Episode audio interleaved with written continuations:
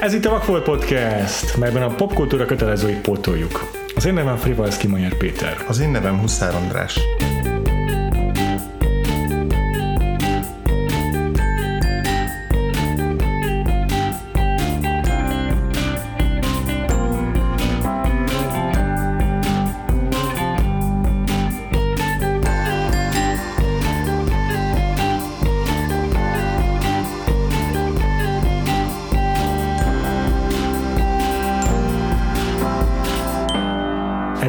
1977-be érkeztünk.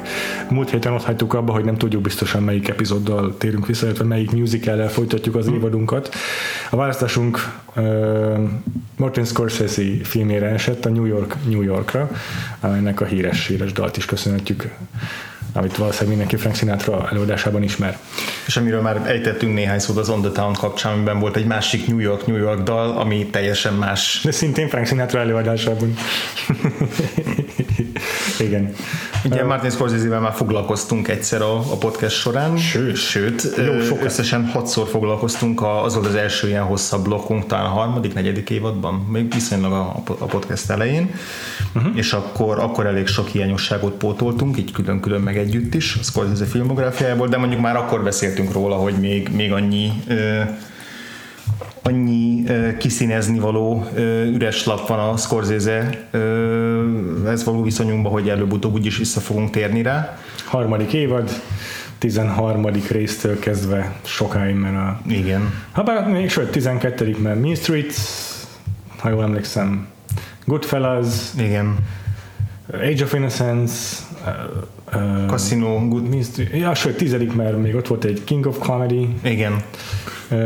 Meg a Bringing Out the Dead. És a Bringing Out the Dead. Tehát hat Igen. film. Így van. Hat filmet vettünk akkor tőle, és most eredetileg ez nem volt betervezve, de amikor itt alakítgatnunk kellett a, a, az évadunkat, és volt itt egy pár éves időszak, amiből válogathatunk, akkor olyan nagyon adta magát, hogy ez legyen, uh-huh. ez legyen az a film, amit, amit És több szempontból is tök jól élik majd az évadunknak a, az ütemében, meg a fonal, vezérfonalában, mert a főszerepben Liza Minnelli láthatjuk, akiről már ugyan beszéltünk a kabaré kapcsán, de itt még inkább megidézik az ő szüleinek a munkásságát, uh-huh. mint Vincent Minnelli, az, a, a, aki rendezőként rengeteg musicalért felelős, mind az édesanyja Judy Garland megidéződik az ő dalai előadása által, és mind abból a szempontból, hogy Scorsese is visszanyúlik ezekhez a hőskor, hőskori musicalekhez, ez még ellentétben a többi 70-es, 80-as évbeli produkcióval, amiket meg fogunk nézni, amelyek már abszolút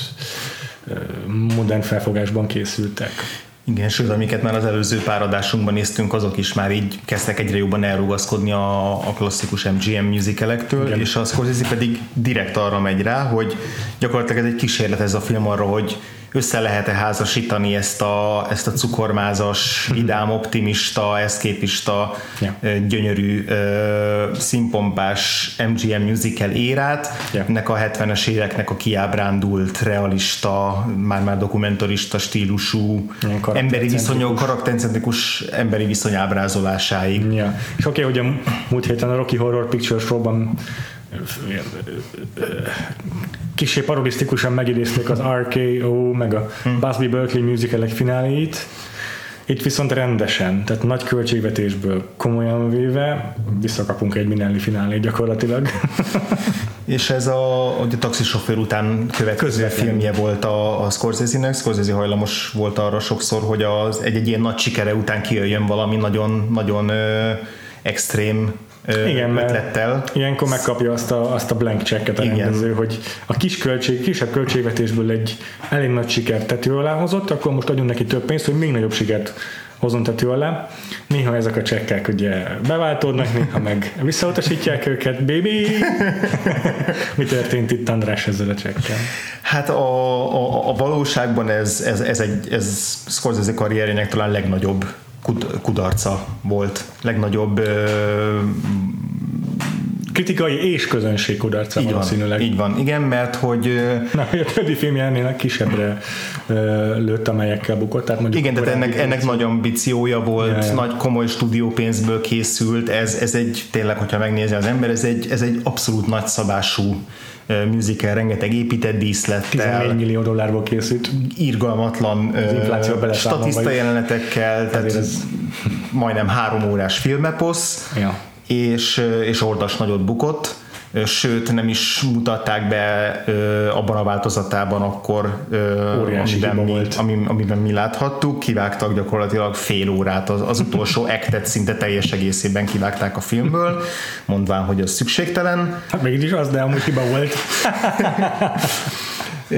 és, és hát a Scorsese eleve már egy eléggé lefelé tartó úton volt ekkor így magánéletben, mert ekkor, ekkor vált a második feleségétől, illetve ekkor már kezdett rácsúszni a drogokra. Uh-huh. Mondjuk Minelli se volt teljesen tiszta ebben az időszakban valószínűleg, mármint Liza Minelli. Hát 70-es évek, és most 70-es évek második fele, és, és aztán ennek a filmnek a, a kudarca az, az így, az így nagyon-nagyon mélyre lökte a Scorsese-t a depresszióban, meg a kokain függőségbe, tehát hogy így pár évvel később így, így nem tudom, 30 kiló volt, vagy 40 kiló, nem tudom. Tehát yeah. én nagyon durván lesoványodott, nagyon yeah mindenki azt mondta neki, a barátai, meg ismerősé, hogy így kezdjen magával valamit, mert tönkreteszi saját magát, és vége lesz a karrierjének, és ugye hír, híresen a, a, a dühöngő bikának úgy állt neki, hogy ez az, az utolsó filmje.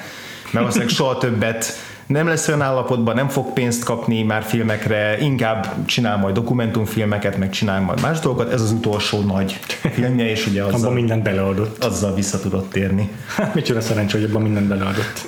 De szerintem egyébként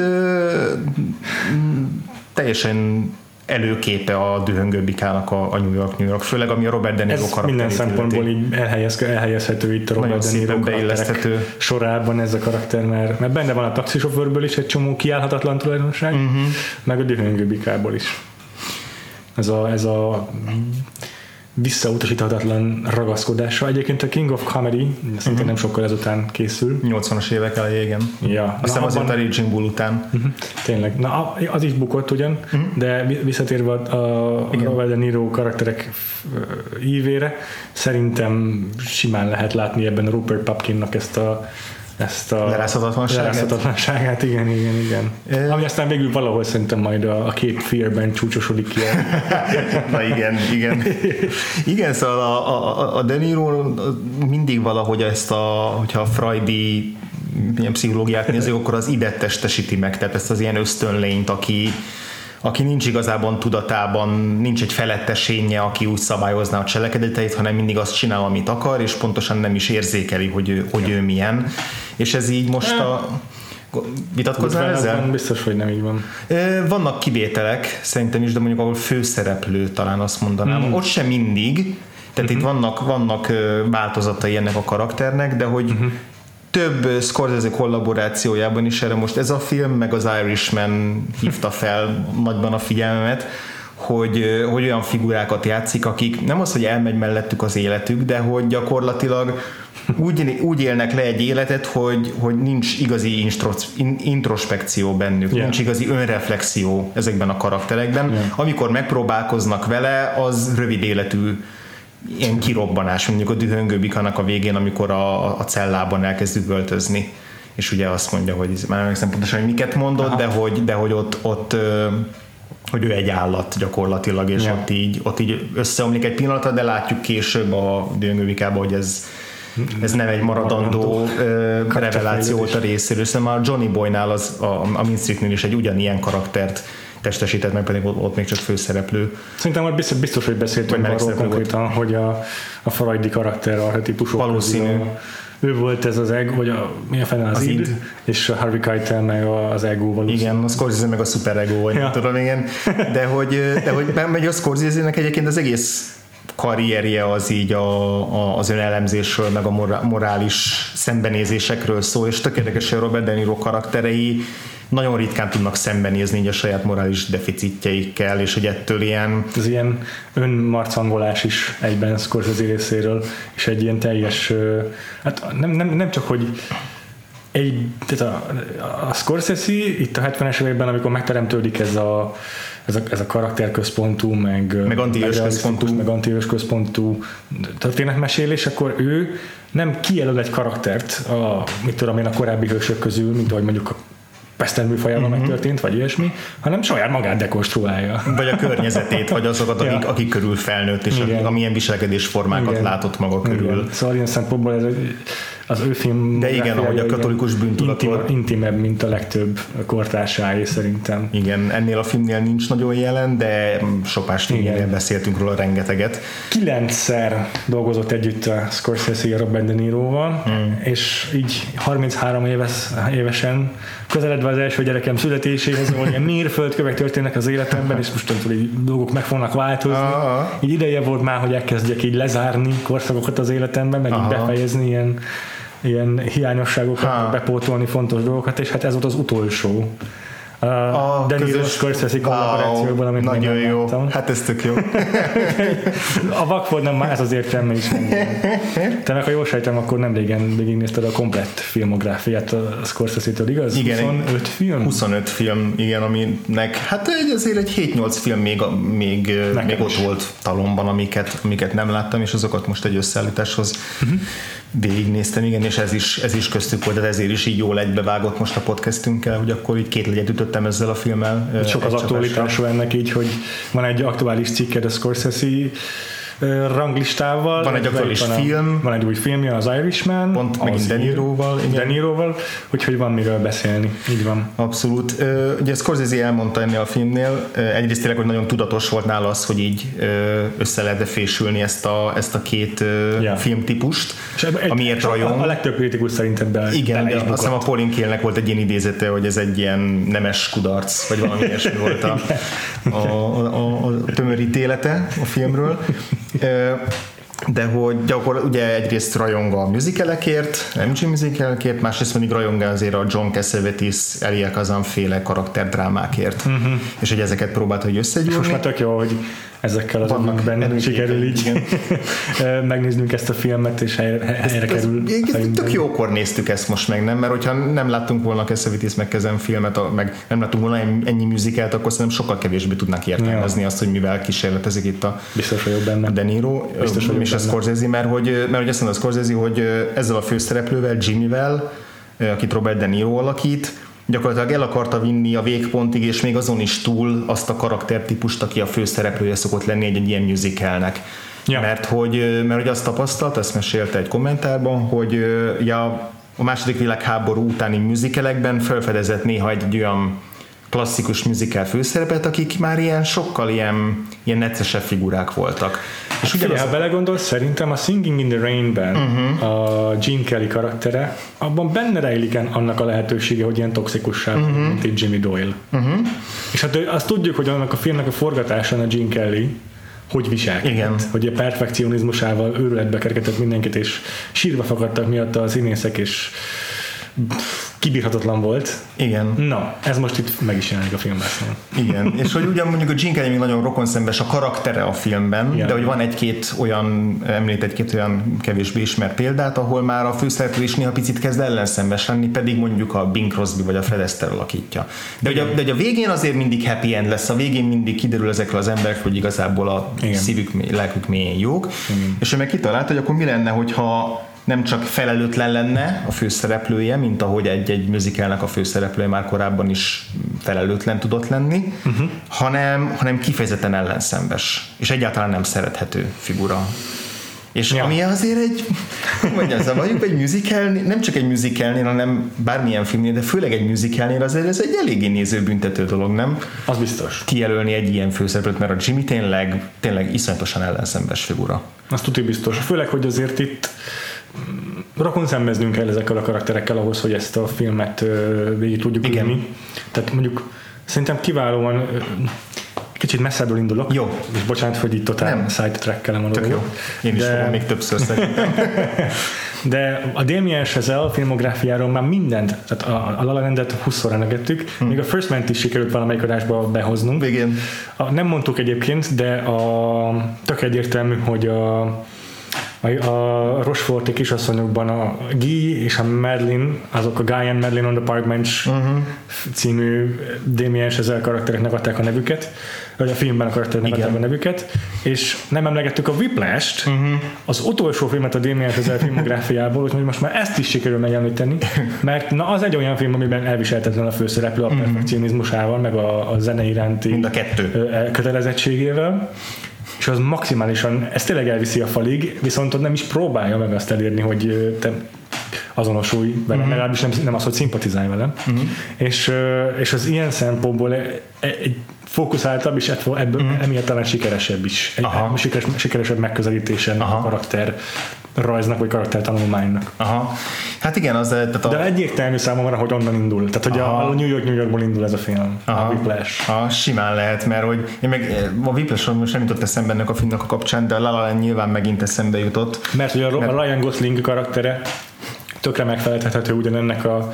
Mert hogy ugye Jimmy Doyle, Robert De Niro karaktere jazzzenész, uh-huh. csomószor előfordul, hogy a perfekcionizmusába kiborítja a, a próbáló zenekarát. Meg hogy ő nem ilyen mainstream dolgokat akar játszani, hanem Igen. valami előremutató zenét. És így látszik, hogy van egy saját elképzelése mindenről, azt véghez akarja vinni, akár csak a Ryan Gosling, aki saját klubot akar, zenét kell mindennel, és van a sztár ambíciókra törő csaja. Uh-huh. Liza Minnelli ebben a filmben, és Emma Stone abban a filmben. Uh-huh. És akkor a kettőjük egy, egymás mellett élése, együtt élése hogyan örli fel a kapcsolatukat igazán. Igen, csak még mondjuk a La La ez egy szomorú, de szép szerelmi történet, Aha. ahol nagyon lehet együtt szurkolni a főszereplőkért, itt egy abszolút, abszolút bukásra ítélt és, és agresszióval teli párkapcsolatnak a, a története, meg munkakapcsolatnak a, a története a New York, New York és csak így zárójelbe, még mindig nagyon szeretem a La Landet, de azért ez a musical évad egy picit, picit azért rombolta azt, hogy, hogy tényleg semmi nulla eredetiség nem volt abban a filmben. Tehát egy hát... nagyon jól van megvalósítva, és nagyon szeretem, de hogy minden egyes musicalünknél felfedeztünk valamit, ami, ami át lett emelve. De figyelj, ez... egy, egy, két dolgot hadd had mondjak a La La Land védelmi. Nyugodtan, bár én sem támadom, de... Az egyik az az, hogy oké, okay, megnéztünk egy csomó musicalt, de ezekben a, ezek a musicalek nem csak némelyik musical, főleg a hőskorszakból nem csak zeneileg voltak jukebox musicalek, hanem hmm. a saját műfajukon belül is jukebox Persze, musicalek voltak. Igaz. Ott volt az On the Town, amiről tudjuk, hogy egy saját újra korábbi filmüket dolgozták fel újra, és egy csomó olyan film volt még, ami full ugyanarra a narratívára, tök ugyanarra a történet, csak más szereplőkkel leosztva ugyanazt csinálta meg. Úgyhogy itt csak azt, mi csak azokat láttuk, amik ebből rohadt jól sikerült. Aha, igen. És a másik, amit akarok mondani, hogy az, hogyha újra melegítesz egy csomó hozzávalót, és azokat egy edénybe összekevered, és felszolgálod, az nem jelenti azt, hogy az rossz lesz. Persze, hogy nem.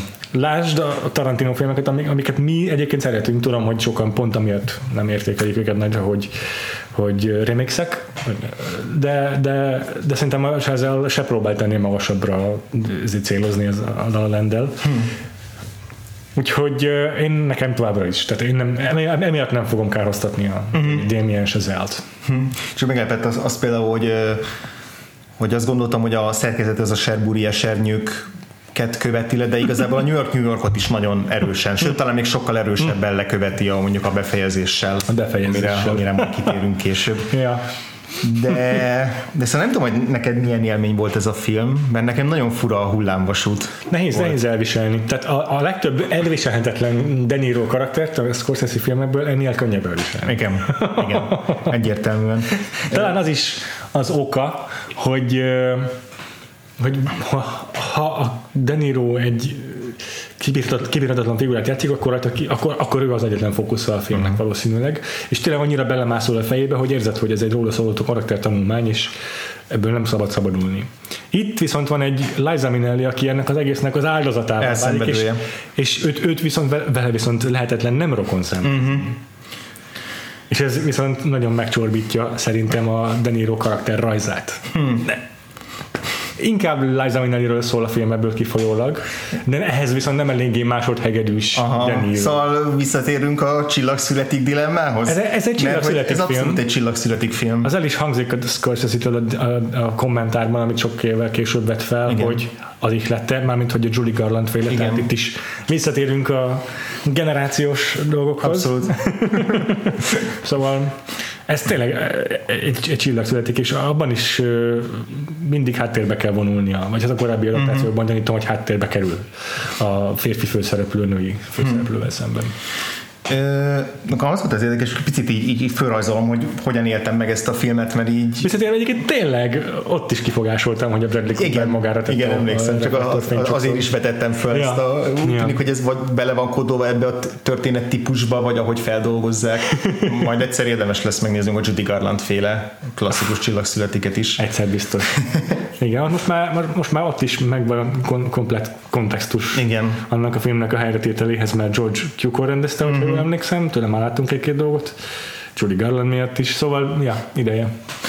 Ö, tehát így miatt elkezdtem nézni a filmet, tényleg csak annyit tudtam róla, hogy jazzzenészekről szól, benne van ez a híres dal, és hogy talán musical, talán nem. Tehát, hogy pontosan igen, nem igen. tudtam, hogy, hogy ez most tényleg gyakorlatban is musical vagy csak egy zene, erősen zenei film, mint a kabaré, film, ami végül is zenei betét dalokkal fűszerezett ja, film. Igen és, és ugye két óra 40 perces a film, és ugye az első egy órában egyrészt le voltam nyűgözve, hogy milyen impozáns film, tehát rögtön a nyitó uh-huh. jelenetnek ez az ilyen elképesztő tömegjelenete, az, az, elkép, az, az tényleg, tényleg zseniális. Kovács László operatőrt nem szabad nem megemlíteni. Abszolút.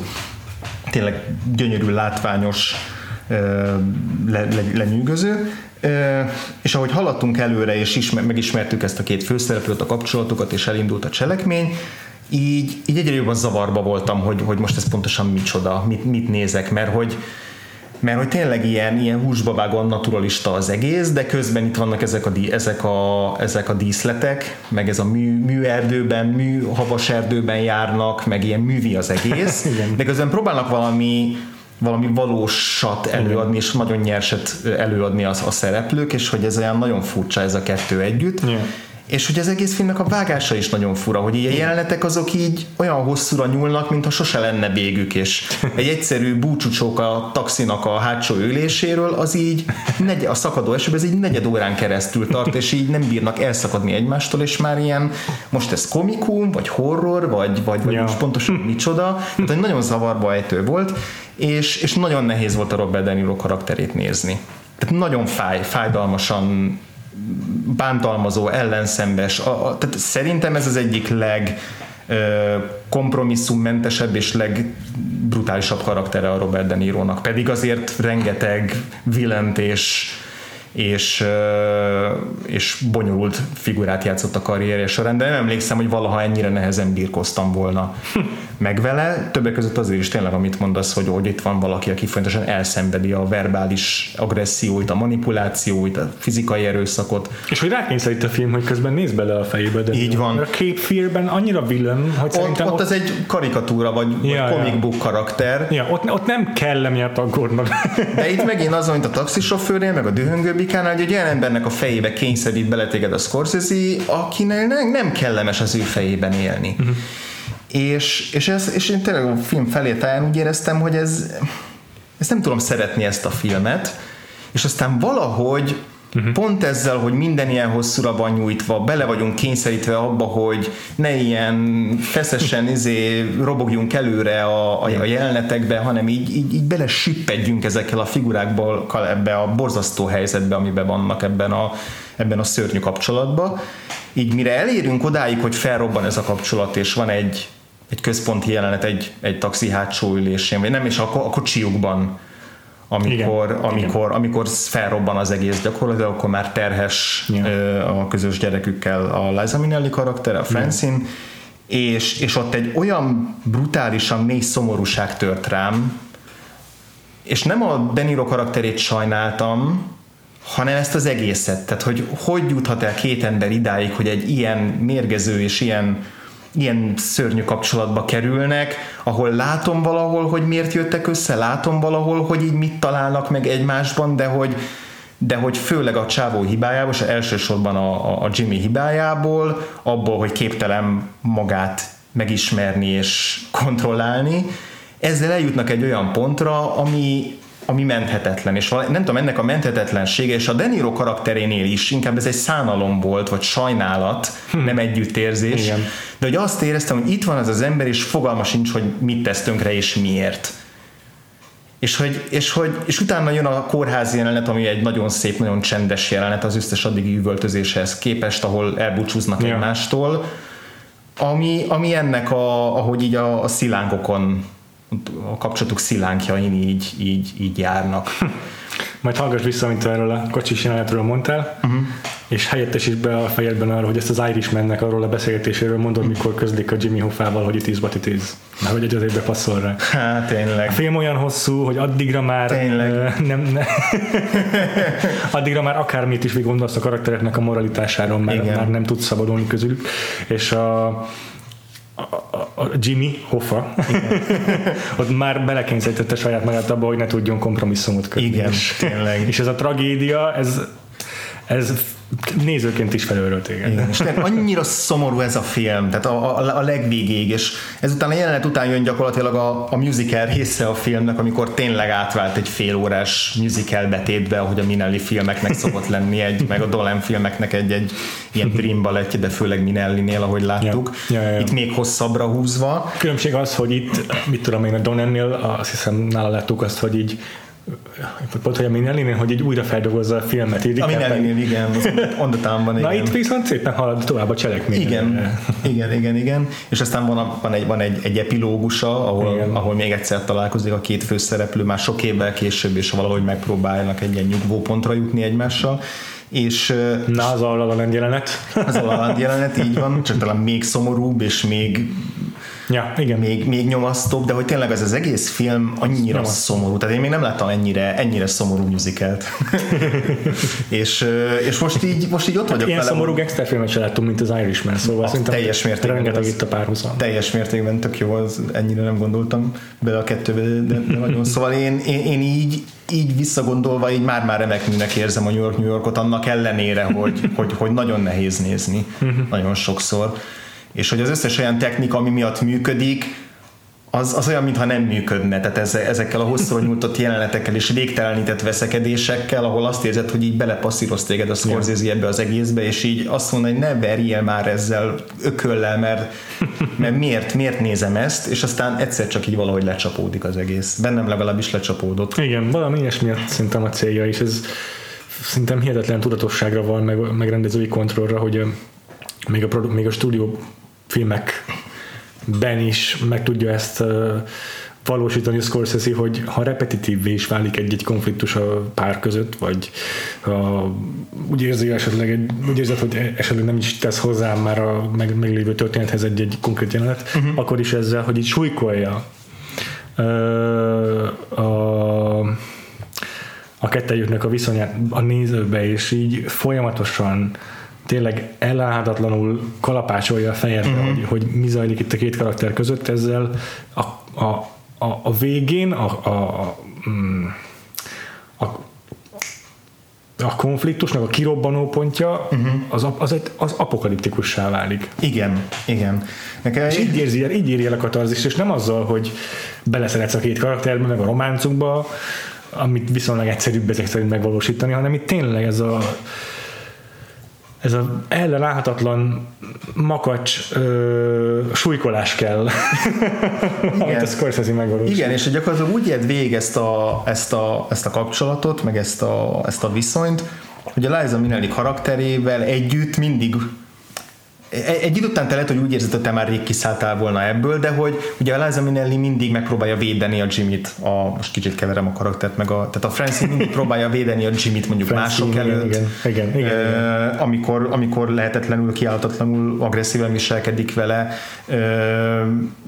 és, és ugyanakkor, ugyanakkor mindig kiáll vele szemben, de aztán, de aztán valahogy sikerül úgy manipulálni a Jimmynek, hogy, hogy, hogy visszatérjen hozzá, és tehát, hogy mindig elhiszi, a Francine, hogy ennek a kapcsolatnak van jövője, mert hogy szereti a, a Jimmy-t, és hogy valahogy ebbe a tudatállapotba is így nagyon bele tud vinni ezzel a, a film, ebbe a, Igen, hiába mondják abszolút, kívülről, hogy ez nem jó, hiába értett talán, de akkor is hinni akarod, hogy ez, ez, ez megoldható, jobbá tehető, megvalósítható, és, és aztán tényleg egy apokaliptikus összeomlás kell ahhoz, hogy rádöbbenj, hogy ez menthetetlen. És ezben, ebben valóban látszik, hogy Scorsese mennyire rajonghat a John Cassavetes-ért, mert hogy ugyanezt a technikát szerintem láttuk mi a Woman Under the Influence-ben, mm-hmm. meg, a, meg a Opening Night-ban is, mind a két film elég hosszú, uh-huh. eléggé egy vagy két karakterre fókuszál. Uh-huh. És elég monotonul igen. súlykolja az ugyanazokat a És visz lejjebb pontokat. a, igen. a létezés mocsarába. igen. Úgyhogy ez látszik, hogy ez, ez Cassavetes-nél forrott ki, és Scorsese szépen megtanulta a mesterétől, kortársától. Igen, és így még két, két filmet vonnék be így gyorsan, így párhuzamként ez egyik, ha már említettük az apokalipszis mostot, az jutott eszembe, hogy ez a scorsese az apokalipszis mostja. Mert hogy ez a tipikus 70-es évek második felében a, a legendás új hollywoodos rendezők ö, mind megpróbálták megvalósítani ezt az ilyen nagy eh, hagymázas álmukat, ami általában így kiszabadult a kezük közül, és így felőrölt mindent. Aha ugye, hogy az apokalipszis mostnak a forgatása is legendásan hírhet, vagy a Heaven's Gate, vagy volt egy csomó ilyen Igen. film akkor, hogy a, ezek a nagy rendezők ilyen, ilyen elburjánzó projekteket valósítanak meg, és szerintem ez, ez, ez, ez, ez a film Scorsese-nél, ahol így túlment a költségvetésen, Ugye nem mondtuk még, hogy egy-két jelenetet lesz, amit gyakorlatilag végig improvizálták a filmet a szereplőkkel, ami elképesztő. Igen, igen. Bár azzal kiegészíteni, hogy a Scorsese elmondja a rendezői kommentárban, hogy azt úgy kell elképzelni, hogy előre próbáltak Néha, csomót. nem mindig. Jó, ez igaz, nem mindig. De hogy előre elpróbálták a párbeszédeket, és aztán azt, amikor már kikristályosodott, hogy pontosan mit mondanak a színészek, amit valóban improvizáltak, csak még a kamera felvétele előtt, na akkor azt visszaírták a scriptbe, és akkor azt mondták. Igen, de hogy ilyen csak egyszer vagy kétszer mm-hmm. volt, tehát van egy, egy próba jelenet, ahol ahol próbálnak egy dalt ja, a zenekarról, és akkor ott összevesznek, ott mondta, Na, az hogy, igen, hogy az ilyen, de hogy egyébként egy csomószor tényleg azt se tudták, hogy egy-egy jelenetben mi fog történni, és hogyan fog Azta. előbbre haladni. Tehát ez, ez nekem ilyen egészen ez még, szakadékba ugrásnak tűnik ez a film. És még nagyobb ilyen hübrisznek, mint Teljes mértékben, igen. ezt képes megcsinálni. Igen, igen, tényleg ez az ő és hogy mindezt egy olyan műfajban, amihez, amihez elvileg az kéne, hogy mindenki legyen ezért takra találva. Hát hányszor beszéltünk már a musicaleknél, hogy így a Gene Kelly addig nem nyugodott, amíg minden tökéletesen nem volt vágva meg, meg, ja. meg koreografálva, és akkor ide jön a Scorsese, hogy akkor majd menet közben majd, majd meglátjuk, hogy mi lesz. A film végét, a Happy Endings mondást, azt Aha.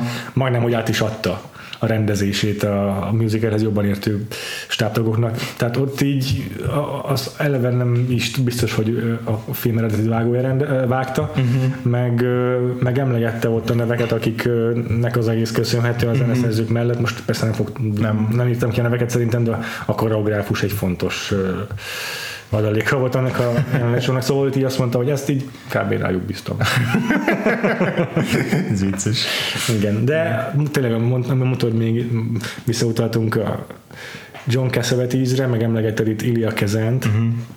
Tényleg említsük meg, hogy vagy ez a film egy musical a Stanley Kowalski-val szerintem a vágyvillamosából.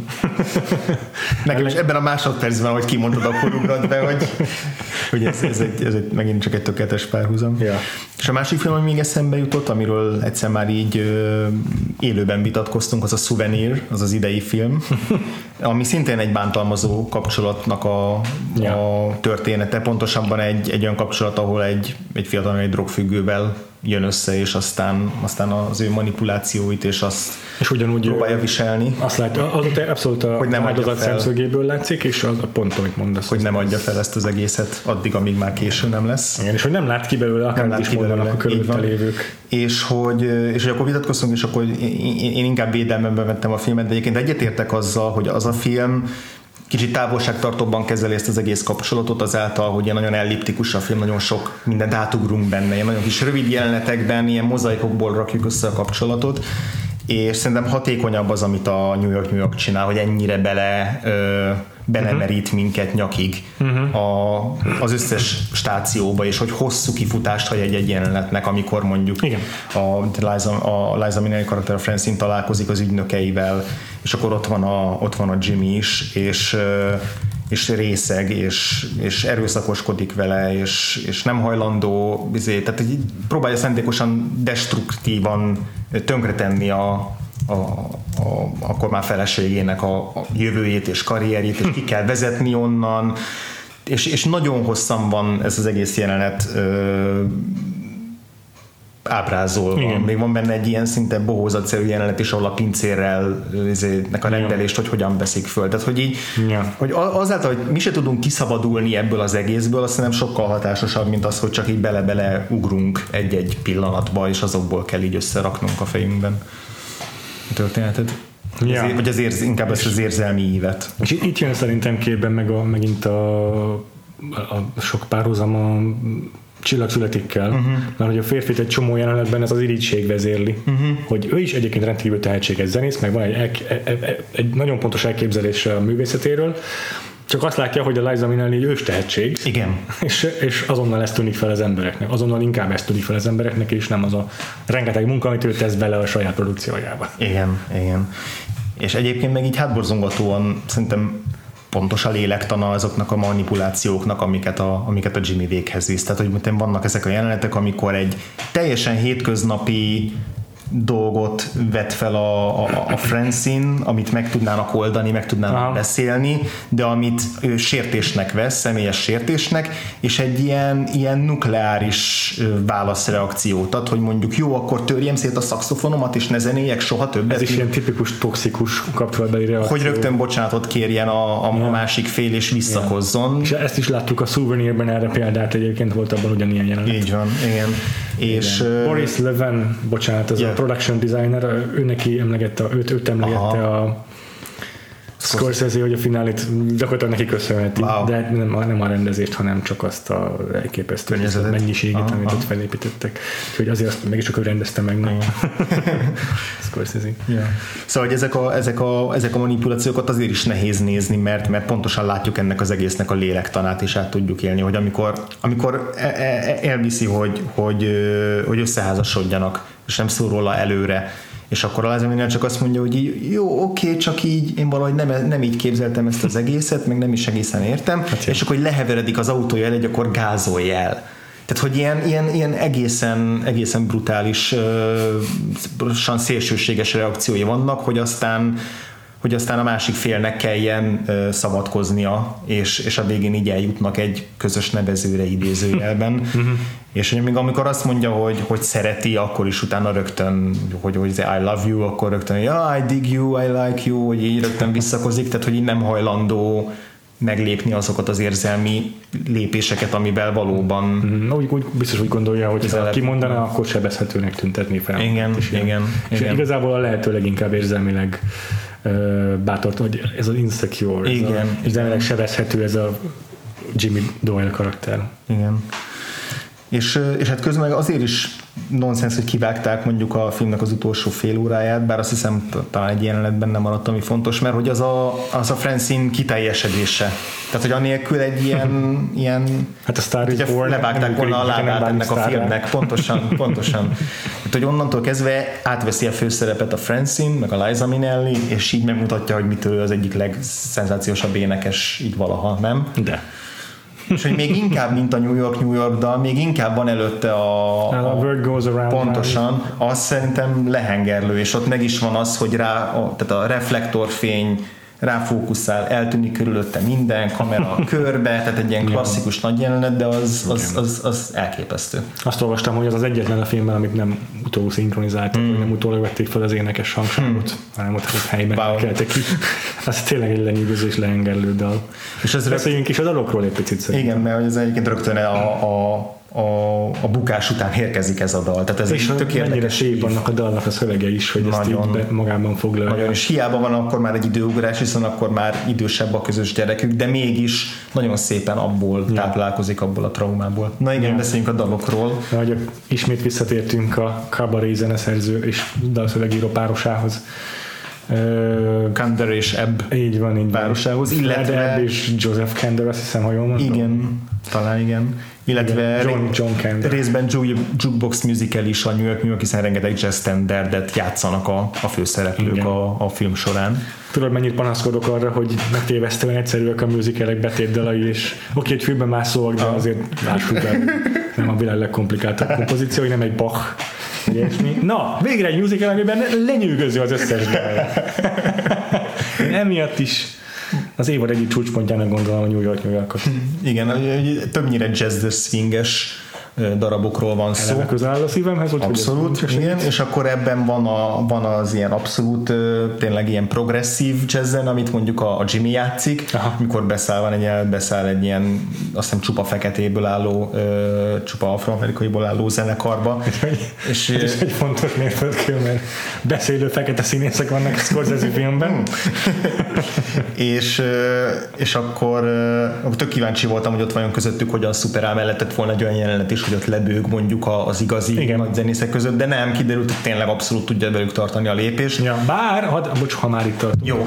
Csak hadd említsem meg, hogy itt is a kiderül a kis érzelmi labilitása szerintem a Jimmy Doyle-nak, meg a saját ilyen sleazebag magatartása, hogy úgy, úgy illeszkedik be a feketék közé, hogy elkezdi az ő lingójukat használni. Yeah. Ami egyrészt szerintem azt sugalja, hogy, hogy, hogy azért talán fél is tőlük, uh-huh.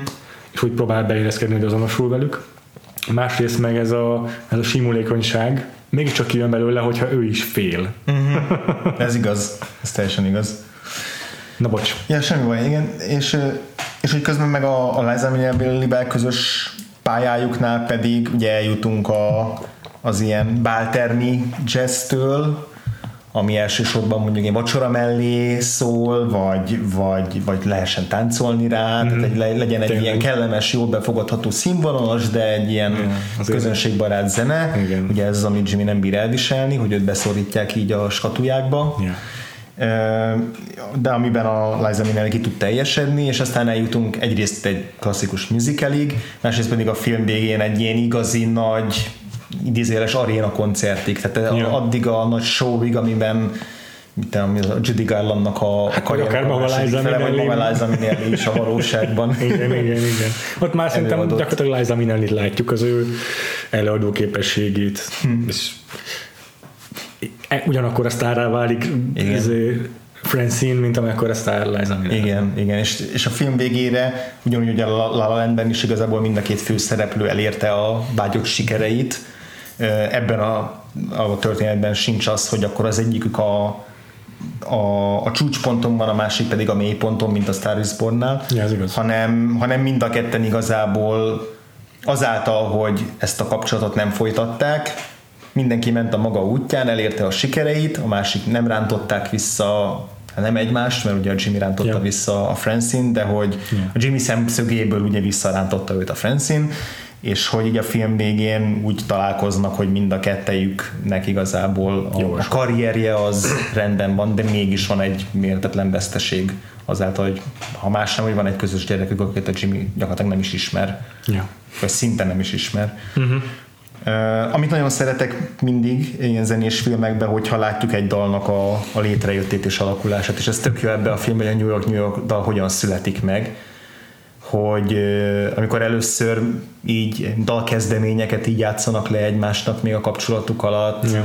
az egyik kedvenc jelenetem egy, az egyik csendes jelenet, amikor így éjszaka van, és így éjszaka beszélgetnek, Igen és akkor játszik a zongorán a, a, a, a Jimmy, és akkor beszélgetnek a dalról, és akkor mintha mint egy picit kevésbé jönnének ezek a passzív-agresszív reakciók is tőle, tehát hogy már-már ilyen őszinte beszélgetés van köztük, amennyire egyáltalán lehetséges, és tök jó, hogy a végére eljutunk oda, hogy megismerjük ezt a kétféle verzióját a, a kész New York New York dalnak, ami az egyik az a, a szöveges, a szöveges, ami egy ilyen abszolút populáris, nagyszabású előadás, a másik pedig egy hát talán hűebb ahhoz, aminek elindult. Igen, virtuózabb, miatt nem kevésbé is befogadható. De hogy, de hogy igazából mi lett volna, hogyha, hogyha tényleg együtt tud maradni ez a pár, és hogyha tényleg ez egy közös dal lenne. Mert egy kicsit olyan, mint hogyha mind a két verzió nagyon jó, de hogy mégis lehetett volna egy olyan, ami mind a kettőnek a legjobb oldalát összeházasítja. Nem tudom. De hát, hát ez, ez, ez nyilván soha nem teljesülhetett volna, mert valószínűleg olyan ellentét volt kettőjük között, ami ezt nem tette volna lehetővé. Kender és Ebb sokszor megköszönték a Denirónak ezt a dalt, mert eredetileg egy másik, más, másik dalt írtak, uh-huh. de a Deniro azt mondta, hogy ez túl gyenge.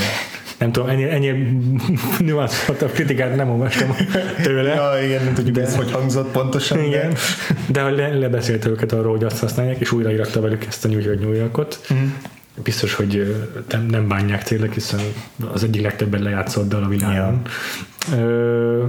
De nekem akkor is fura, hogy így az alkotási folyamat, meg az, hogy a film elejétől hagyjuk a taktusait állandóan, uh-huh. az ugyanolyan, mint a, az Amadeusban az alkotási folyamat, csak ott az a különbség, hogy van egy több száz évvel ezelőtti dal, amiről mindenki tudja már, hogy egy óriási mestermű. Itt meg megakadunk egy mesterműt, ahogy mi írtunk, és nézzétek, egy mesterművet írnak, hogy mi írtunk. De jó tényleg. Kicsit ez fura nekem. Aha. De tényleg mestermű lett, szóval végül is az igaz. igaz Beigazolódott így utólag, igen. De ez egy újabb hübrisz, itt az ekkor már a karrierjüknek bőven a csúcs. Ja, hát igen, hát hány, hányszor látunk olyat, hogy egy Várostól. film vagy sorozat alatt így valami igen kreatív produkcióra készülnek alkotók, ami úgy van belenged, hogy ez minden megváltozhat, és aztán a végeredmény nem jó, mert nem olyan tehetségesek a magának a filmnek az alkotói, mint ja. gondolják, a szereplőiket gondolják.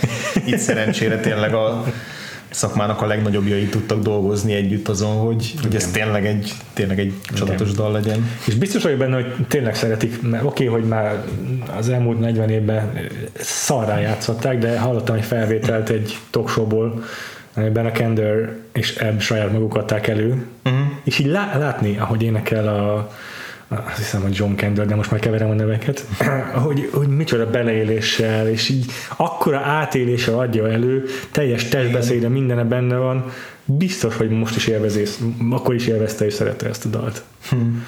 Nem unták meg a saját szerzeményüket, nem nőtt a fejük fölé, mint csomó előadónak a slágerük. Ja, igen, igen, igen.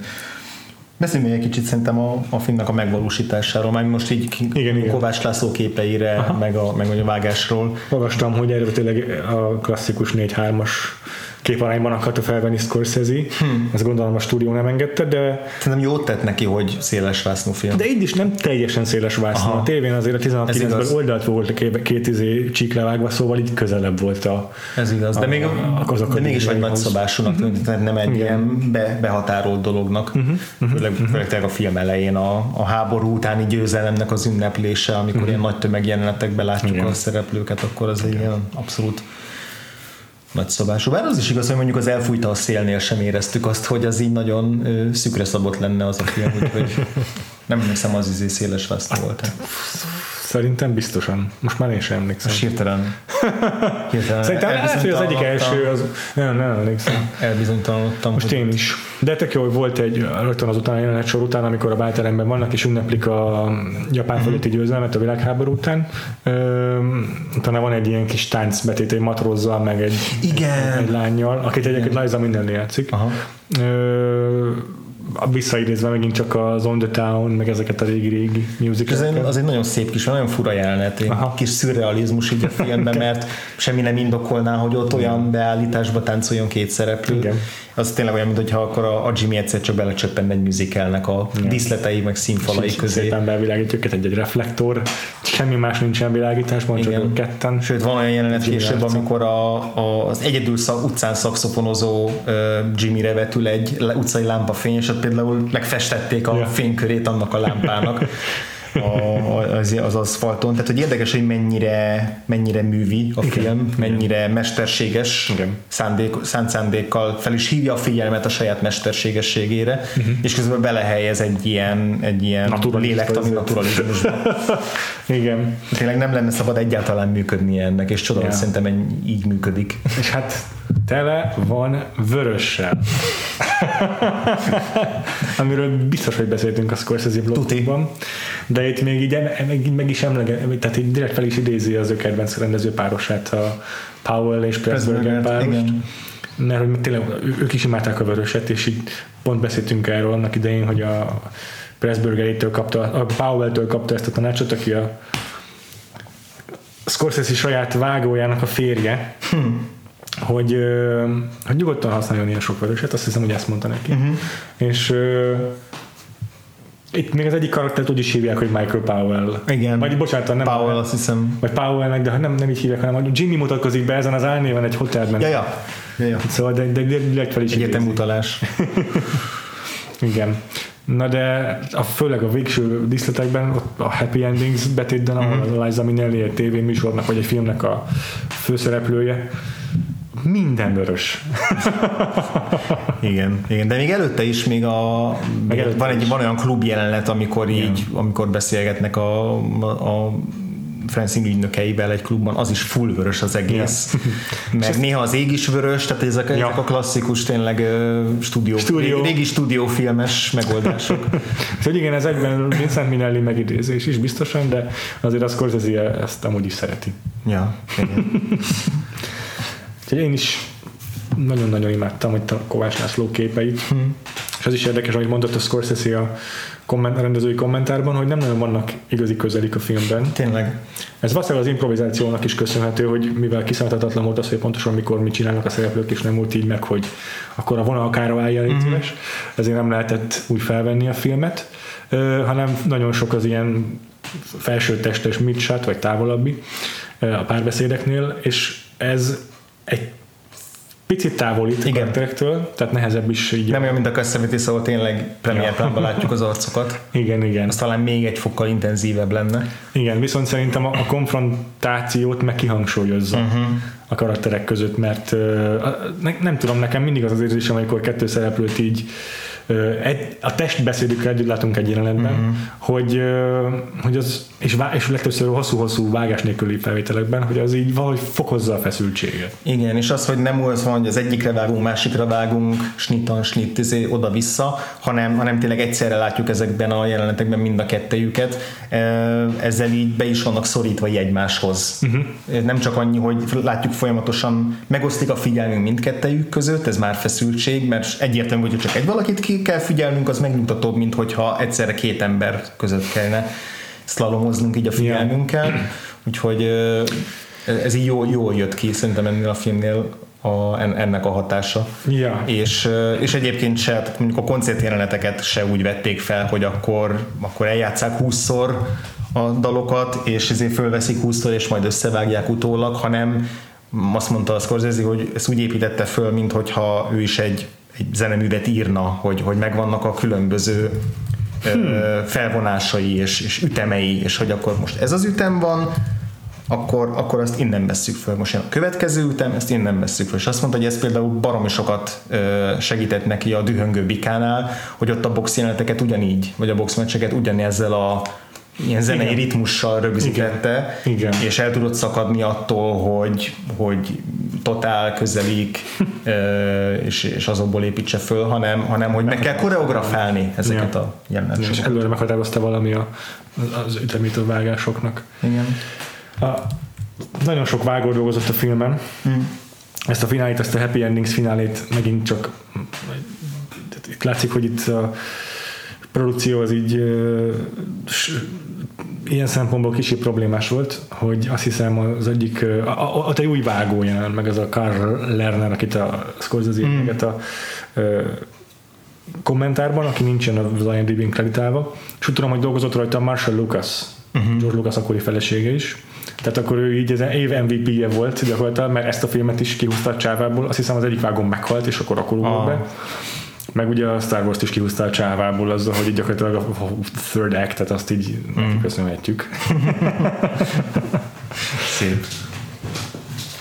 A, viszont a két főszereplőről még egy picit beszéljünk, mert oké, okay, hogy Denirónak a karakterének a fejébe belemásztunk már, meg kielemeztük a filmográ- hogy a, a, a, karaktereit a Scorsese-vel mm-hmm. együttműködése során, de beszéljünk már arról, hogy a Liza Minnelli mennyire csodálatos. Nagyon-nagyon jó, és hogy azért, azért nehéz egy, egy Robert De Niroval úgy osz, megosztozni a vázon, hogy egyenrangú legyen, nem? Hát Tehát, hogy, hogy, hogy, ennyire egyenrangú figura legyen, ráadásul egy olyan figura, aki Amúgy alárendeltje. Ebből a szerepköréből fakadóan passzív sokszor, uh-huh. és hiába áll ki magáért, és hiába ö, ö, vitatkozik, és, és feszül ellen a De Nirónak, sokáig alárendelt szerepet kéne játszani, de hogy egy pillanatig se érezzük, hogy a Liza Minnelli ebben a filmben alárendelt lenne a Robert hát De Niro-nak. Igen, egyetértek.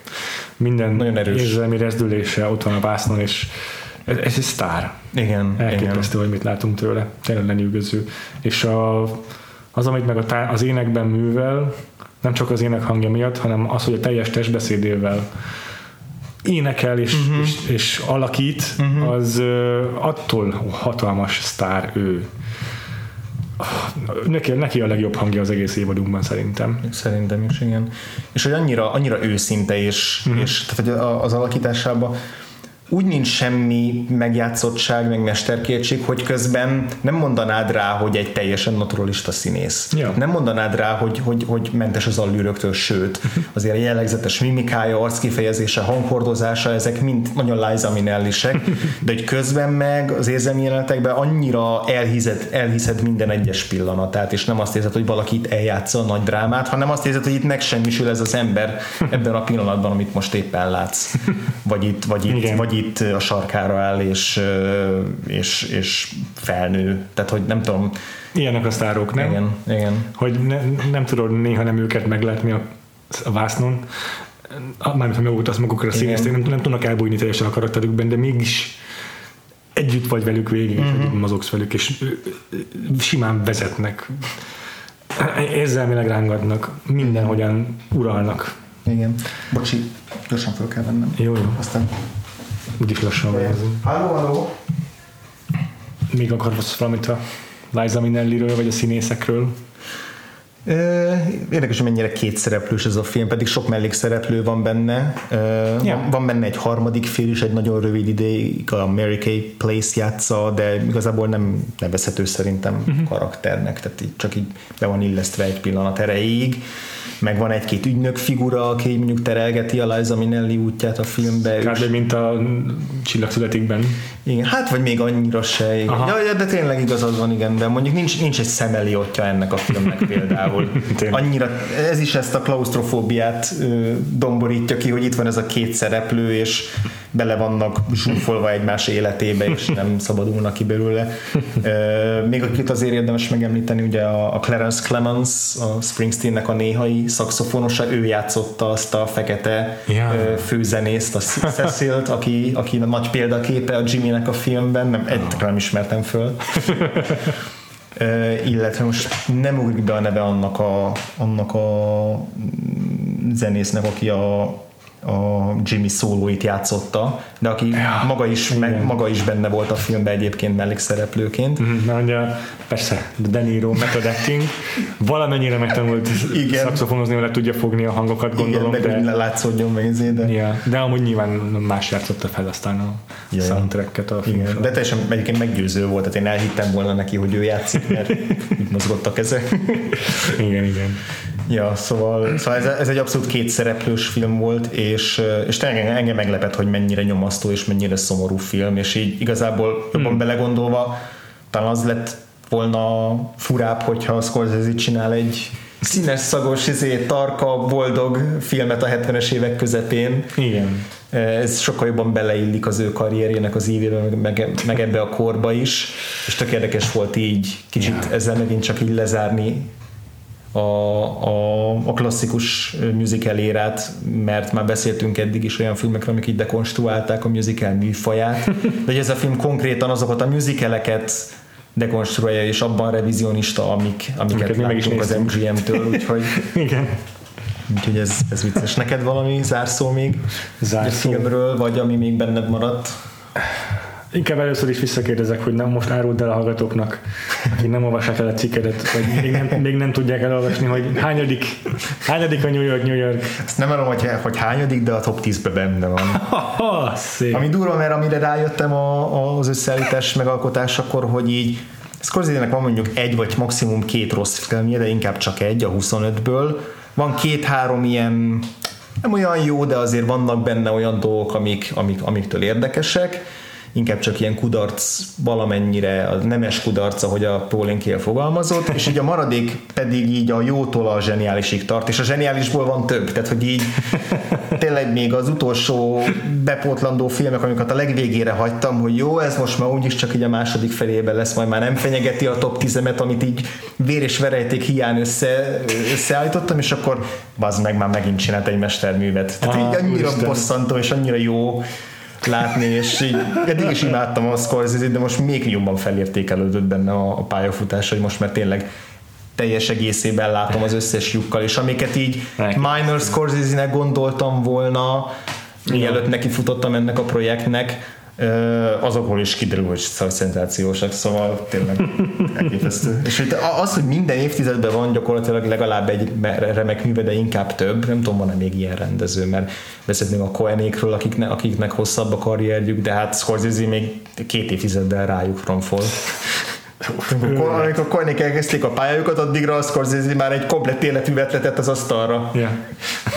Már ott abba hagyhatta volna, és már akkor ilyen nagy, nagy legendaként emlékeznénk rá megtaláltam, és Georgie Old, az ő a az. szaxofonos, aki eh, utószinkronizálta a szaxofon szólóit. És ráadásul azt is mondta rá a Scorsese, hogy ö, diplomatikusan fogalmazott, de hogy valószínűleg ő is egy olyan kiáltatlanság fej lehetett, mint a Jimmy a filmben.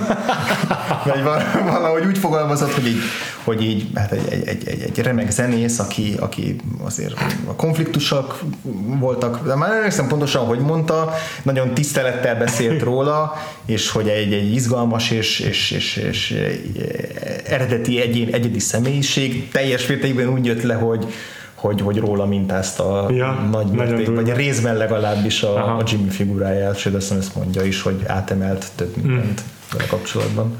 Scorsese filmjeiben többször visszatér, hogy az utókor magasabbra értékeli őket, mint a saját koruk. Mm. Ez azok közé tartozik, meg szerintem a Bringing Out the Dead is. Kevés olyan film van, ami akkor is bukott, meg ma se szeretik. Igen, igen. Viszont ez a film ez nem csak a pénztáraknál hasalt jókorát, hanem az egyike azon kevés Scorsese filmeknek, amiket semmilyen Oscarra nem jelöltek. Igen. Szerintem felháborító, hogy a New York New York nem kapott Oscar jelölést, legalább egy jó betétdalt. Mm. Felháborító, hogy a Liza Minnelli nem kapott Oscar jelölést. Danny Rock még megértem, mert ő aztán kapott előtte utána. Felefér. Szerintem Igen. is.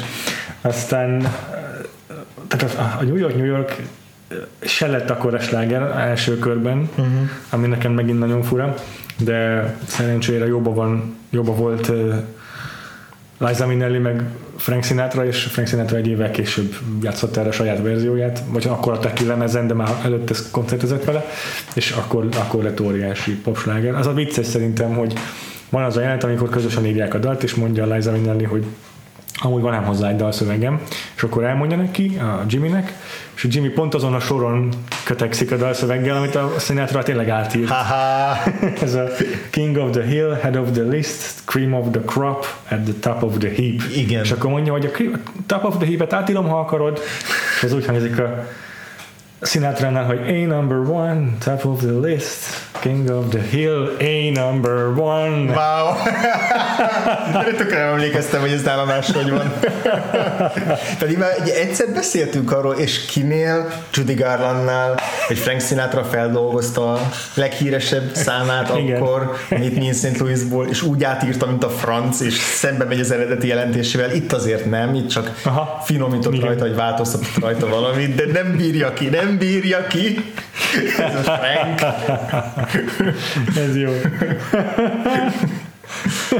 de hát érdekes ez is, hogy amiről azért nem beszéltünk olyan nagyon sokat, hogy amellett, hogy egy magánéleti kapcsolatosról szó, is szól ez a film, azért ez az alkotásról, alkotás folyamatáról, nehézségeiről is, is szól, és arról, hogy milyen két csökönyös kreatív embernek az együttélése, akiknél fontos az ego, meg az, hogy hmm hogy ők megvalósítsák magukat, és hogy ők ebben néha ilyen csőlátásúak, és hogy ja. van, amikor összeéreztünk két ilyen embert, két ilyen nagyon határozott egyéniséget, akik tudják, hogy mit akarnak hmm. a pályájukon, és valamelyiküknek engedni kell a másikkal szembe, és ugye nem csak az irítség játszik Jimmynél, hanem az is, hogy ő egy tapotat se hajlandó engedni azért, hogy a másik fél karrierje előbbre mehessen.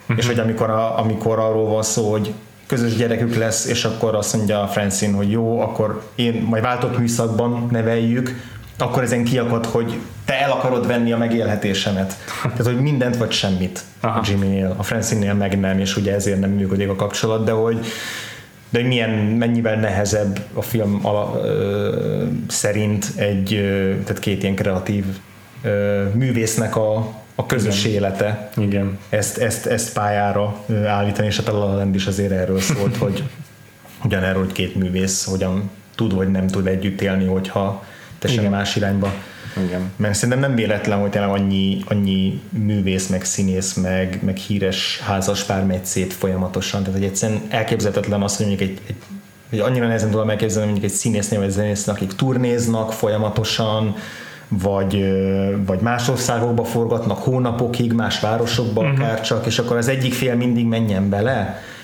akkor ő mindig add, addig a pár hónapig így tegye takaréklángja a saját karrierjét, és addig a másik félnek a helyén legyen ott ilyen utitársként, tehát hogy ez annyira nehéz lehet menedzselni, ha meg nem együtt haladnak, akkor meg a távolság nehezíti meg ezeket a kapcsolatokat, szóval ez így baromi nehéz lehet szerintem. Főleg, hogy itt a filmnek a, ugye a harmadik főszereplője maga a város. Igen. Ezt a hülyeséget mindig szoktuk emlegetni, de itt a film címe New York, New York és Kétszer, a New York, New York. Egyértelmű a kötődésük a városhoz, aztán a film végén Liza Minnelli bősztár lesz. Hol máshol, mint Los Angelesben, hollywoodi színészként a kontinens másik oldalán. Klasszik Hall. és hát biztos, hogy benne van Jimmyben, hogy nem tudja ott hagyni New, York, New Yorkot, ja. hogy ír egy Azt a kulturális a városhoz igen. lényegében, és Liza Minnelli is kötődik ezer szállal ide, és ez megint még jobban szétveszíti az ő, tehát egyáltalán még egy, akkora, egy kontinensnyi akadályt tesz az ő kapcsolatuk közé. Abszolút, igen, hogy az egyiküknek szüksége van ezekre a Harlemi kis klubokra, ja. a másik fél meg, meg ki tud teljesedni egy nagy hollywoodi gépezeten ja. belül, vagy, vagy sztárcsináló gépezeten belül. Igen. És itt is egyébként tök jó az a kontraszt, amit látunk, hogy Jimmy ezekben a klubokban mekkora hírességnek számít, ugye van egy saját zenekar gyakorlatilag, és így ebből fenntartja magát.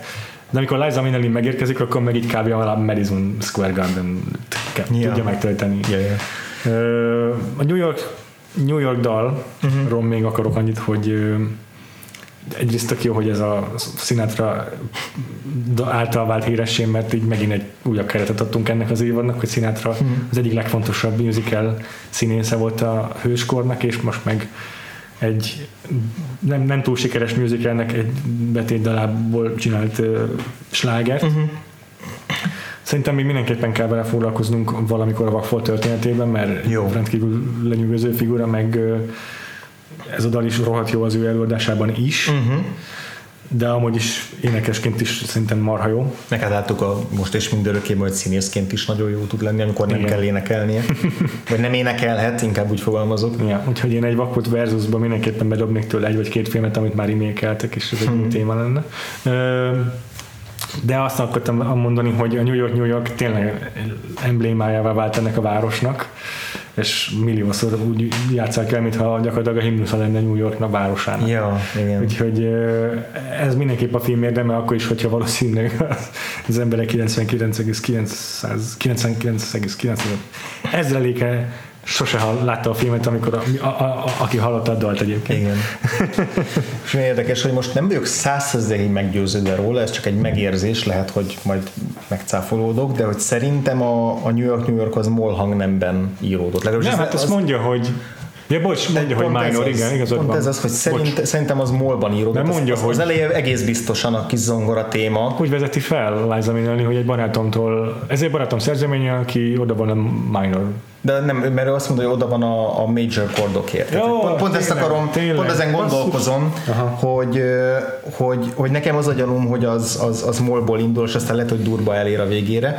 De ugye a, a molhoz mindig a melankóliát, meg a szomorúságot Igen. társítjuk, inkább a dur, meg a boldogabb, vidámabb dolognak a, a sajátja. Uh-huh. És hogy a Robert De Niro karakter, a Jimmy végig ezt a, ezt a major chordot, ezt a dúrt akarja a saját életében megvalósítani. Ami yeah, gyakorlatilag azt jelenti, hogy olyan hármas hangzatot, amiben minden szép és minden jó és minden kerek, és ugye erre mondja a sorrendet, hogy neki fontos a mint azt hiszem a, a, a, a, a zenéje, talán a klubok, vagy a város, emlékszem, mi volt a második, és hogy a, és hogy a, a Francine a harmadik, ugye őt sorolja a harmadiknak. És utána mondja, jó, de igen, ezeket még lehet variálni, meg változhat a, a sorrendjük, de hogy, hogy, hogy neki az az álma, hogy ez mindig egyben legyen, és ugye ez nem valósul meg. Tehát ezért van a veszteség Aha. a film végén, hogy amiről egész életében álmodott, azt nem fogja tudni soha megvalósítani, mert csak az egyik vagy a másik valósult meg ebből a, ebből a háromból. És akkor ezért gondolkoztam el most gyorsan, hogy vajon maga az a dal, ami a film címe, és ami az egész filmnek a, az alapját adja, az vajon dur vagy mol, majd ennek utána kell néznem. Mind a kettő érdekes lehet más-más szempontból, yeah. hogy, hogy de mind a kettő ironikus szerintem. Igen. A két verzió. Igen, igaz lehet. Igaz. Csak a, csak a, a, a nyitó zongora témának így a szomorkásságából gondolom, hogy mol lehet, de aztán lehet, hogy pont nem. Ezt Ja. Majd utána nézzük utólag, ez csak most jutott eszembe. A Liza Minnelli ma már kevésbé aktív, de azért még néha-néha lehet fellépéseit látni, vagy kevésszer meghívják azért még valahol fellépni, de már látszik, hogy, a, hogy nem, tehát nem bánt vele jól az idő. Hmm. Hallottam elénekelni pár évvel ezelőtt, egy, tehát volt egy felvétel egy pár évvel ezelőttről a New, York, New Yorkot, ahol elénekli. Hát beleénekel néhány sorba, amit amúgy egy, uh-huh. egy férfi énekes énekel végig, mert állni sem nagyon tud hosszú ideig sajnos szegény. Hmm. Nem néz ki valami jól, szerintem ő neki ezek a, ez a drogos korszak kicsit sokat hmm. ártott, tehát 70-es években. Viszont ö, volt egy jó kis metapoénja, amikor az Arrested Developmentben szerepelt. Az már nagyon sok évvel ezelőtt volt. Nem is tudom, talán a Buster Bluth énekli a dalt, vagy a, to- a Tobias. Tobias próbálja énekelni New York, New Yorkot, és akkor vág- vágás a Liza Minnelli, aki amúgy szereplője volt a sorozatnak, és azt mondja, hogy mindenki Frank Sinatra akar lenni. Ja, ja, ez vicces.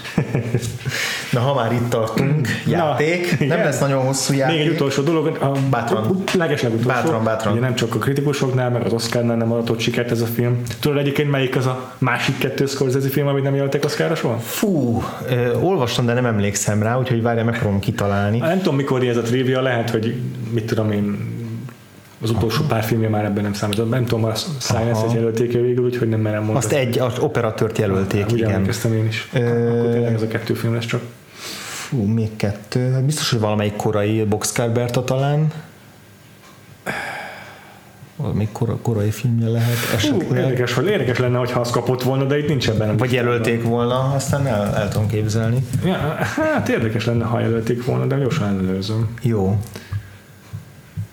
Hát igen, az biztos nem. Akkor szerintem nem pontos ez a trivia. Ja, de a Bring Out the Dead-et biztos nem jelölték semmire, szerintem arról beszéltünk is akkor, nem? Na jó, akkor ez a trivia tuti biztos hülyeség. Vagy én emlékszem rosszul, és lehet, hogy valami, de nekem úgy rémlik, hogy az... De hát gyanús, gyanús hogy ez se, igen. Two wins and one nomination, four nominations. Uh-huh. Uh, ja, akkor hagyjuk ezt a triviát, ez. Mert én is olvastam ezt a triviát, és én is el... Ja, mert to date szerintem. Ja, nem. Na, mindegy, Egyébként Egyébként a King of Comedy-t meg az After Hours-t ilyen jelölték, de, Aha, de, aha. de biztos, hogy hogy akkor ezt több, több sokkal is van, ennél, igen. sokkal több ennél. Mindegy, ez egy hülye trivia lett volna. baj. És ami még szerintem a közönség előtti megbukását okozta a filmnek részben, a- az, hogy nyilván lehet, nem volt akkora érdeklődés már a musicalek iránt, mint korábban, de egy, egy fontos tényező volt azért. Uh-huh. Ez egy augusztusi premier volt, egy hónap korábban pedig bemutattak egy filmet, aminek az volt a címe, hogy Star Wars. Legalább egy évig játszottak a mozik tárgyházzal, szóval kb. nem rugott, nem rugott labdába semmi mellette. Hát Szegény igen. Scorsese. Hát igen. De egyébként nem, ezért, szerintem nem haragszik, vagy ilyesmi. Az még egy olyan blockbuster, amiről elismerően beszélő is. Igen. E, És plusz a saját filméről pedig még mindig még úgy beszél, hogy igazából nem tudja, hogy ez most mennyire volt sikeres. Sikeres. Mármint az ő szempontjából, tehát hogy mennyire sikerült a céljait. megvalósítani vele a céljait. Ja. Na nézzük ezeket a feldolgozásokat. Nézzük, jó, nem írtam ki nagyon sokat, pedig ugye azt gondolnánk, hogy a New York New Yorkot csak az nem dolgozta fel, akinek nincs hangja. Ja.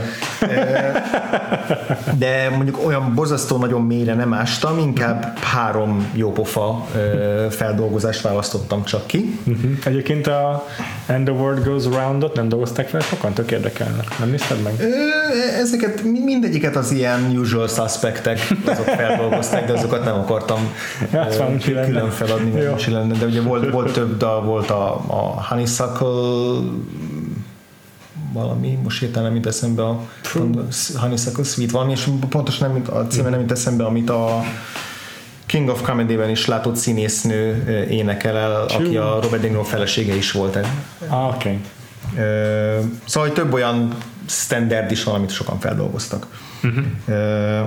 Azt hiszem, hogy azt, azt a dalt, aminek most nem tudjuk eszembe se a címe, se az, az énekesnek a neve, szuper, de hogy azt eredetileg a Lina Horn énekelt egy korábbi musicalbe, aki ugye az egyik első fekete színésznő Ah. volt, aki ilyen főszerepeket kapott. Ah. Tehát ugye ez is egy ilyen direkt, csomó egy dal így direkt utalás volt, hogy azért vette be, mert uh-huh. volt egy korábbi musicalben. Uh-huh. Na, de ez a három ismert név, akit kiírtam, az egyik az egy, egy filmben volt egy betétdal a New York, New York, Hát jó, egy nem olyan régi filmben énekelt egy színésznő, nem musicalről van szó, nem zenés filmről, mert már rengeteg filmben volt betétdal egyébként, szóval ezen még segíts egy picit. Mert nem olyan régi film. Nem olyan régi, egy 2010-es évekbeli film, nem, 2000, 2000-es évek vége volt, ha jól emlékszem.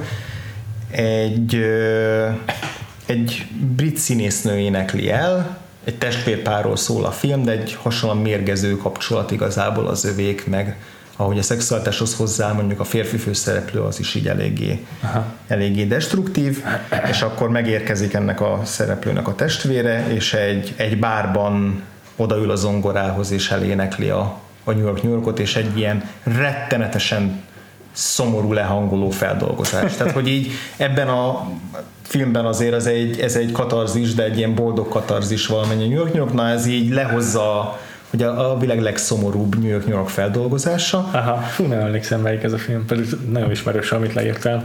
És ezt a színésznőt aztán többször jelölték Oscarra, Aha. azóta egy nagyon ilyen presztízs, brit presztízs színésznő, de Hollywood. Carrie Mulligan? Uh-huh. Hú, melyik film volt ez? Jaj. Szőke volt a haja benne. Igen. Jaj, de hülye vagyok. És egy szexfüggő volt a Igen. férfi na, főszereplő. Na, a címe nem úrik ja, Egy szavas. Egy szavas. Shame. Yep. Shame. Így van, Steve McQueen filmje. ja, ja, ja. Na, abba, abba énekelte a New York, New Yorkot Carrie Mulligan. Tényleg, a, igen. A depresszív karaktere. Mm-hmm. Szintén New York, New York. Okay. Szintén egy filmes kapcsolódás. Oké. Okay. Mondom, ezt nagyon sokszor énekelték el filmben. Ebben, ha jól tudom, csak a rádióban hangzik fel. Tehát egy autónak ah, a rádiójából, ezt, ezt tudod. De azért még, azért még adják Egy híres brit zenekar. Jó, ez a, ez a hegylakóban Queen. Hát igen, ez meg volt? Emlékeztél? Nekem egyáltalán nem volt meg Freddie Mercury. Valami nekem nem meg. Morzsája benne van ennek a dalnak, egy uh-huh. rádióban hallatszik. Oké. Okay. És akkor a harmadik az nem a, a New York, New York, hanem egy másik dalt választottam. Ez a Once in a While című dal. Hú, ez nem is a film első felében egy ilyen montázs alatt szól, ahol külön-külön látjuk, a, uh-huh. hát, mhm. amikor ugye még talán nem is együtt énekel. Aha. De a, a, az első egy órában. És ezt a dalt feldolgozta egy híres amerikai zenekarnak a frontembere a második szóló lemezén, amerikai zenekar frontembere, két szóló lemeze legalább van. Amerikai zenekarokból eleve nincs olyan sok jó. wow! Micsoda bomba így a így az adás vége felé. Azt a... Az érdekesség ennek a szóló lemeznek, hogy a központi hangszer, amin ez a frontember játszik, az ukulele és nem gondolnád róla. Mármint, hogy úgy Senkiről nem gondolnám. Passzol egyébként a főhangszeréhez, de hát nyilván ő hogy gitáros nyilván. A frontember egy gitáros énekes. Igen. Így van. És itt ukulelén játszik el sok számot. Saját számokat is, és feldolgozásokat is. Többek között ezt a Once in a While. Nem tudtam ennek a lemeznek a létezésére, nagyon vicces. És várj, de énekel, vagy ukulele helyettesíti ott Nem, énekel is. Vokált. Énekel aha, is, aha. énekel is, énekel is. ukulele, te jó ég. Ez egy híres zenekar, még ma is aktív, bár most, már, most már régebben. Hát most már inkább koncertzenekarként működik, lemezeket nagyon ritkán adnak ki. De nem a Bruce Springsteen, nem, a nem, Street Band. Nem, nem. Nem annyira régi uh, alapítású zenekarról van szó, egy konkrét műfajhoz nagyon erősen kötődik. Az egyik utolsó ilyen olyan ilyen nemzedéki műfajhoz ők voltak a egyik fő. Ez a Pearl Jam lesz, és akkor ez az Eddie Veddernek a szóló lemezről. Belőle nézem ki, az ukulele egyetlen. Ukulele Songs, azt hiszem konkrétan ez a címe nek a szóló lemeznek. Nagyon vicces. A nemzedéki zsánerizével az, az, az, az nagy segítség volt. Szép. Próbáltam tényleg így a meglepőbb feldolgozásokat kiválasztani most. Nagyon jó volt. Jó, hát én tökre örülök, hogy ezt az e- eredetileg be nem tervezett filmet válogattuk. Szerintem azért nem is gondoltunk rá, mert hogy nem voltunk biztosak benne, hogy ez most tényleg egy musical vagy sem. Ja. Csak zenés film, de, ja, ja, ja. de nagyon-nagyon fontos volt így ebben az évben, amit leírunk a, az évadunkkal, Igen. hogy itt volt ez a film. Hogy azért, kifogtunk egy kicsit a ennek a korszaknak a többi musical színésznőjén, mert egy Barbara Streisand filmünk ja. lesz, Beth Miller sem ja, szerepel nálunk. Igen. De, de, de, de Liza Minnelli-vel dupláztunk, és szerintem egyébként is jól legjobb. Legalább őket kimaxoltuk, igen. hogy idézem a Paulinkélt, eh, vagy lehet, hogy Ebertet, mert én neked kiírtam, és uh-huh. már nem biztos, hogy meg tudom mondani melyik melyik, de konkrétan mondott is egy ilyet, hogy, hogy sokkal azt hiszem emberibb, Aha. mint a Barbara Streisand. Hmm. Úgyhogy én belehallgattam a Jentlőbe, meg legyen azért valamennyi képem a Barbara Streisandról, a saját maga által rendezett filmjébe kukkantottam, standard musical szerintem nem annyira bánom, hogy nem néztük meg Jó. egyébként. Jó. Jó. Beth Midler-től megnéztem YouTube-on ilyen Las Vegas show felvételeket, ő is fantasztikus teljes testbeszédével, mindenével énekel, játszik. Félek, hogy nem lett volna akkor újdonság egy Liza Minnelli után. Igen. Most meg más nem úri be, akitől még így meg kell volna néznünk valamit, hogy ez teljes képünk legyen erről az ja. vagy korszakról. Úgyhogy nem, nem bánom. Jók sem. vagyunk, jók vagyunk. Mert ugye az utolsó két adásunk az már inkább ilyen kuriózum lesz. Aha. A, hiszen átlépünk a 80-as évekbe, ahol a musical már gyakorlatilag tetsz halott állapotban volt, vagy legalábbis nagyon kevés készült, azok is inkább így teljesen svéd kanyarból közelítették meg a műfajt. Elsőként egy konceptalbum szerzői musical féleséget fogunk nézni, egy, egy legendás előadótól, akit már, akivel már az elég régóta szemezünk. Beszélünk arról is, hogy esetleg diszkográfiát nézünk tőle, vagy legalábbis az első valahány évét, mert kilométeres hosszúságú az életműve, de most egy filmre, meg, egy, meg az ahhoz kapcsolódó lemezre fogunk koncentrálni. Melyik ez a film előadó lemez? Prince-től a Purple Rain. Uh-huh. Nagyon vicces lesz. Nagyon kíváncsi vagyok rá. És akkor az utolsó adásunk az mi is? Az még egy, egy van ezen kívül? Egy van ezen kívül, még az pedig a, a, egy újabb érdekes zsáner összeházasítás, a horror és a musical közös keresztmetszetéből. Még a Rocky Horror Picture Show. Tényleg, tényleg, tényleg. Ez a Little a Shop of Horrors rémségek kicsiny boltja, aminek tényleg csak címét tudom igen, hát jól rendezte. Mindig is tudtam a létezés, de sok, sok is lesz benne. Például, igen. igen. Ez is egy, egy, egy érdekes, Frankóz. fura lezárása lesz, biztos meg, megcsátok volna, hogy mondjuk elmegyünk a Chicagoig, és akkor így a musical visszatérésével zárjuk az évadot, de nekem szimpatikus az, hogy egy ilyen fura, fura, fura filmekkel fogjuk befejezni ja. a klasszikus évadunkat. De hát addig is megtalálhatjátok az összes adásunkat, eddigi és majd eljövendő adásunkat a Vakfol Podcast vakfolt.hu-n. Így van, vagy a facebook.com per vakfolt podcast oldalon. Jelzünk mindent. Twitterem szintén vakfolt podcast username lehet követni, és kírjuk, hogy mikor jön új adásunk. Így van. És bennünket is követhettek, illetve Andrást, téged, András, téged hol olvashatnak a hallgatóink? A Twitteren a Gains aláhúzás név alatt, illetve a Recorder magazinban, például a decemberi számban fog megjelenni a már sokat emlegetett Scorsese összeállítás, meg majd később online is. Előre felháborodtam rajta amúgy. Mindenki, én is, én is fel vagyok háborodva. Úgyhogy ajánlom mindenkinek, hogy olvassa el. Péter, Engem a Twitteren lehet csak olvasni kizárólag exkluzív módon, twitter.com per freevo 2 elvel. Uh-huh. És ezen kívül hallgassatok bennünket az összes podcast lejátszó platformon, megtaláltok bennünket az Apple Podcast-en, a mhm. Spotify-on, uh-huh. és társaikon, amiket most nem tudok fejből. Szuper.